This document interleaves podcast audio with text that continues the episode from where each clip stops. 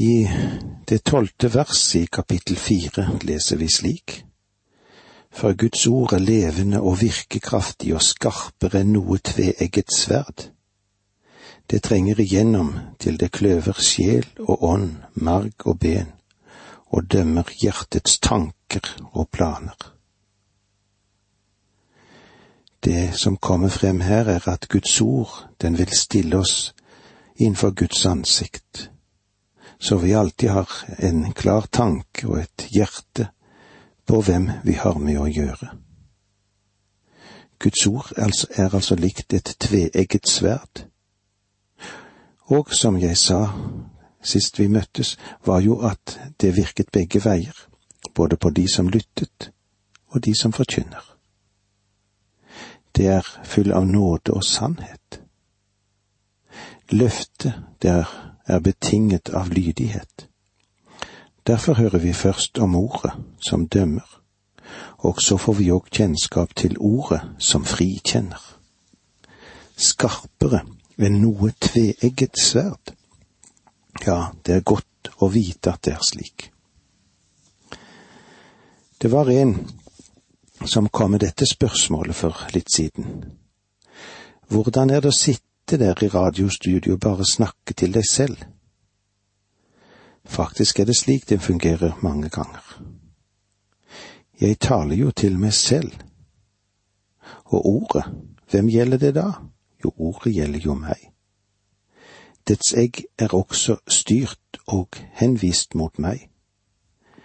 Gjennom de mange brev og telefoner og samtaler som jeg har hatt opp gjennom tidene, så er det nokså viktig å ha dette klart for oss, at ordets egg har møtt mange rundt omkring i landet.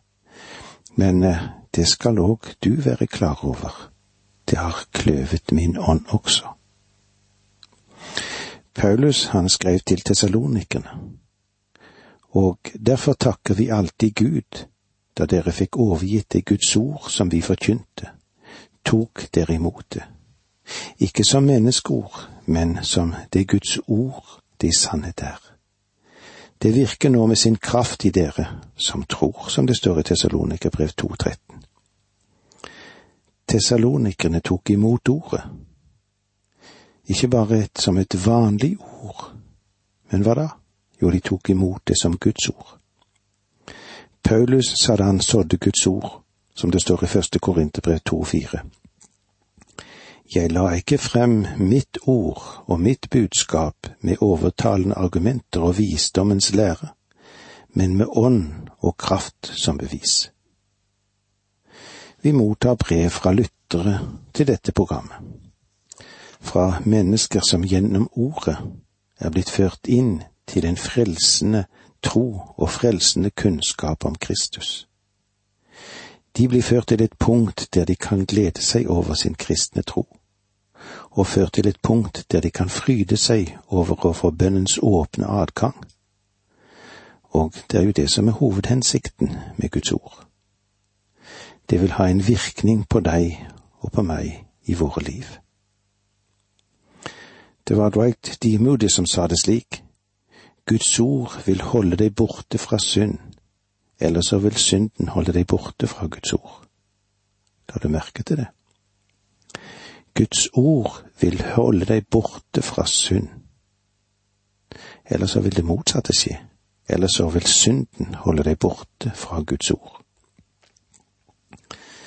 Mange troende tilbringer ikke så lang tid foran Guds ord. De tar ikke tid nok. Og vi må vel kanskje si, og mange av oss som er forkynnere, vi styrer med så mange ting, og at tiden den blir for kort til å gå inn i Guds ord. Den største disiplinen forkynner kan legge på seg selv, er å gå gjennom Bibelen bok for bok med de som de har foran seg. Og det burde hver forkynner gjøre i sin menighet. Og det er en disiplin som om den ikke hjelper menigheten, så vil den iallfall hjelpe forkynneren. Guds ord er skarpt. Det er levende og virkekraftig og virkningsfullt og så er det gjennomtrengende. Det er gjennomtrengende. Det trenger igjennom til det kløver sjel og ånd. Det er de som forsøker å sette et skille mellom sjel og ånd, og setter et slags psykologisk skille mellom de to. Vet du at det er bare Guds ord som kan skille sjel og ånd? Du og jeg kan det ikke. Når jeg taler om den sjeleske siden av mennesket, hvordan Gud har gitt oss Den hellige ånd, så kan jeg plutselig stå overfor at jeg ikke lenger holder fra hverandre sjel og ånd. Ganske enkelt fordi bare Guds ord kan gjøre det. Det er situasjoner i Skriften når sjel og ånd blir brukt synonymt. Og det er andre skrifthenvisning der det synes å være klart at sjel og ånd er adskilt og ikke er det samme. Det er jo bare Guds ord som kan kløve sjel og ånd. I Salme 32,3 leser vi marg og ben. Ordet kan skjære seg gjennom vårt kjød og skape et skille. Å dømme hjertets tanker og planer. Ordet fordømme betyr faktisk også kritikk eller kritisere. Vi har i dag mange kritikere av Guds ord. Skal jeg si deg noe? Guds ord er kritikeren. Det kritiserer oss. Det kritiserer meg. Ingen er i den situasjonen at de kan sitte som dommer over Guds ord. Og det er mange grunner til det. En av grunnene er at det er ingen bok som denne boken. Guds ord ble skrevet over en periode på ca. 1500 år. Og vet du av hvor mange forfattere? 45 forskjellige forfattere. Noen av dem hadde aldri hørt om andre. Og likevel, likevel så er de samstemte. De presenterer alle den samme veldige historie. De presenterer alle en herlig frelse får jeg lov å gjenta at ikke noe menneske er i den situasjonen at de kan sette seg som dommer over en slik forunderlig og egenartet bok. Dømmer hjertets tanker og planer? Du skjønner at Bibelen er ikke primært interessert i våre handlinger. Det Hånden gjør, utfører den etter hjertets tanker. Hjertet hadde håndens handlinger i sitt grep før hånden utførte den. Og derfor går Guds ord direkte ned til hjertets tanker. Den Herre Jesus sa det slik, for fra hjertet kommer onde tanker, mord, ekteskapsbrudd, hor, tyveri, falsk vitnesbyrd, spott, som det står i Matteus 15, 19. Det er sannelig litt av en tvilsom liste, dette men det er det som finnes i ditt hjerte og i mitt hjerte. Hjertet er mer fylt av svik enn noe annet. Det kan ikke leges. Hvem skjønner det, sier Jeremias i det syttende kapitlet. Ikke noe menneske kan det, men Gud kan. Guds ord trenger dypere inn og ned i oss og avslører det innerste i våre hjerter. Det møter oss akkurat der vi står, der du og jeg lever og beveger oss, og det som former våre liv. Vers 13 Ingen skapning er skjult for ham. Alt ligger nakent og bart for ham, som vi skal stå til regnskap for. Du kan ikke skjule noe for Gud. Jeg trellet under den forestilling som ung kristen at jeg ikke ville la Gud få hånd om alt i mitt liv iallfall ikke av de planene som jeg hadde. Jeg ba om at han ville gi meg visse ting og gjøre visse ting for meg, men lot han aldri få del i mine motiver. Jeg synes at bønn låt bedre om jeg ikke visste noe om det. For så å si det som sant er, så trengte jeg ikke fortelle noe av motivene, for han kjente jo alt sammen hele tiden. Han vet om hjertets skjulte tanker og alt er åpent for Han. Ditt liv er en åpen bok sett med Guds øyne. Mennesker kan komme med spørsmålet. Tror du at vi bør betjene alt for ham? Ja, hvorfor ikke? Han vet jo om alt allerede. så du kan gjerne fortelle ham alt, alt av det som belaster deg. Og med disse ordene må vi si takk for nå. Må Gud være med deg. Dette undervisningsprogrammet består av to deler. Åge Nevland fortsetter nå med andre del av dagens undervisning. Vi er i Hebreerbrevet i det fjerde kapitlet, og det vi vil stoppe litt opp for i denne stund, er Kristus står over det levittiske prestedømmet. Fra begynnelsen av vers 14 i dette kapittelet, altså kapittel 4, til og med vers 28 i kapittel 7, så vil forfatteren av dette brevet vise oss at Kristus står over det levittiske prestedømmet. Dette var viktig for de troende jødene å være klar over fordi de var vant med å gå gjennom øverste presten i det levittiske orden. De prestene som først tjente i tabernaklet, og senere tjente de i tempelet. Det var gjennom dem at de overga seg til Gud og brakte sine ofre. Nå vil vi se litt på vår øverste prest. Ja, hvem mener det, da? Ypperste presten. Den Herre Jesus Kristus selv er vår store øverste prest, han er ypperste presten. Og forfatteren er så engasjert og entusiastisk angående Kristi prestedømme at han allerede i kapittel tre sa, Derfor, brødre, dere hellige som har fått del i det himmelske kall, se på den utsending som øverste prest som vi bekjenner, Jesus. Han ønsket at de som leste dette brevet med en gang skulle ha i fokus hvem det er som er øverste presten. Det ble dette temaet for store deler av det som nå gjenstår av brevet, og selvfølgelig, også denne sannheten vil bli tilpasset på de troendes situasjon slik som den er i dag. Skal vi se litt på vers 14 i kapittel 4. Da vi nå har en stor øverste prest som har gått gjennom himlene, Jesus, Guds sønn, så la oss holde fast ved bekjennelsen. Kristus, han er vår øverste prest. En hedensk forståelse av prestedømmet den lager nok litt farger på vår tenkning når vi nevner ordet prest. En hedensk prest, han blokkerte faktisk adgangen til Gud, og påsto at han hadde spesielle og mystiske krefter som var nødvendige for å føre mennesket til Gud. Et menneske måtte gå gjennom denne presten som påsto at han hadde en spesiell adgang til det himmelske. En slik tenkning fornekter Kristi fullbrakte verk. Og de troendes allmenne prestedømme. Det stenger da. Vi trenger egentlig alle en prest.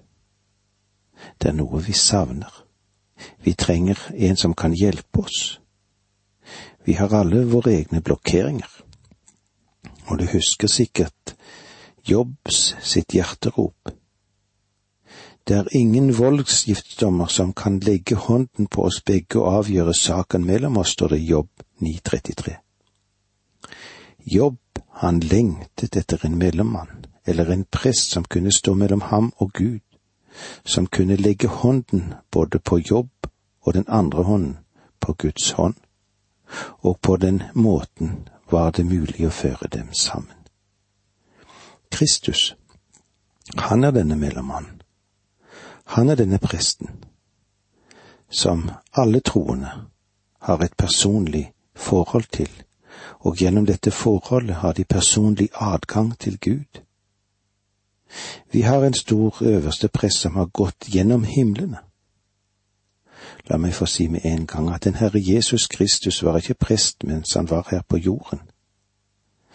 Den eneste gang det blir nevnt i Skriften at han bringer et offer, og han trengte aldri et offer for seg selv, selvfølgelig, var den gangen han sa til Simon Peter at han skulle fange en fisk og ta det gullstykket han hadde i munnen og betale den nødvendige tempelskatten, som prestene var unndratt.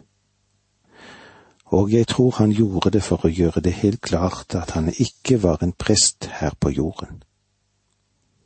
For å være prest så måtte han ha vært i Arons ettlinje, av Levi-stammen. Men den Herre Jesus, han var en ettling av Judastammen, han. Han sto ikke i den prestlige ettlinjen. Han sto i den kongelige ettlinjen. Da han var her på jorden, kom han som en profet for å tale på Guds vegne. Han gikk tilbake til himmelen som prest for å representere oss for Gud. Han ble en prest da han steg opp igjen til himmelen. Han døde her nede for å frelse oss, og han lever der oppe for å bevare oss frelst. Og det er sant at da han var her, så ga han seg selv på korset. Og det er ikke en prestlig funksjon, det. Men å være prest, det er å representere deg og meg.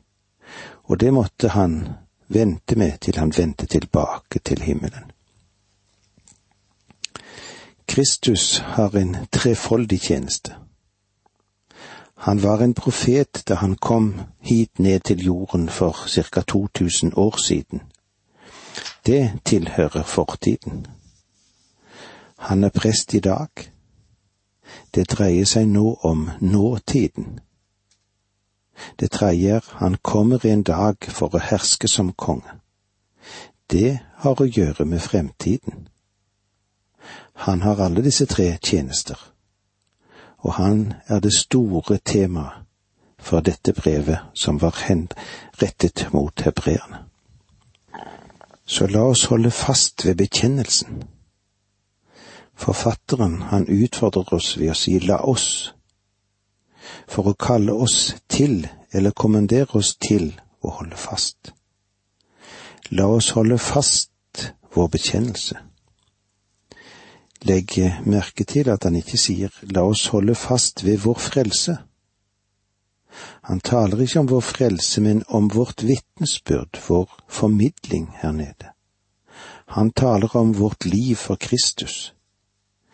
Kristus døde her nede for å frelse oss, og han lever i himmelen for å bevare oss frelst og sette oss i stand til å avlegge det gode vitnesbyrdet.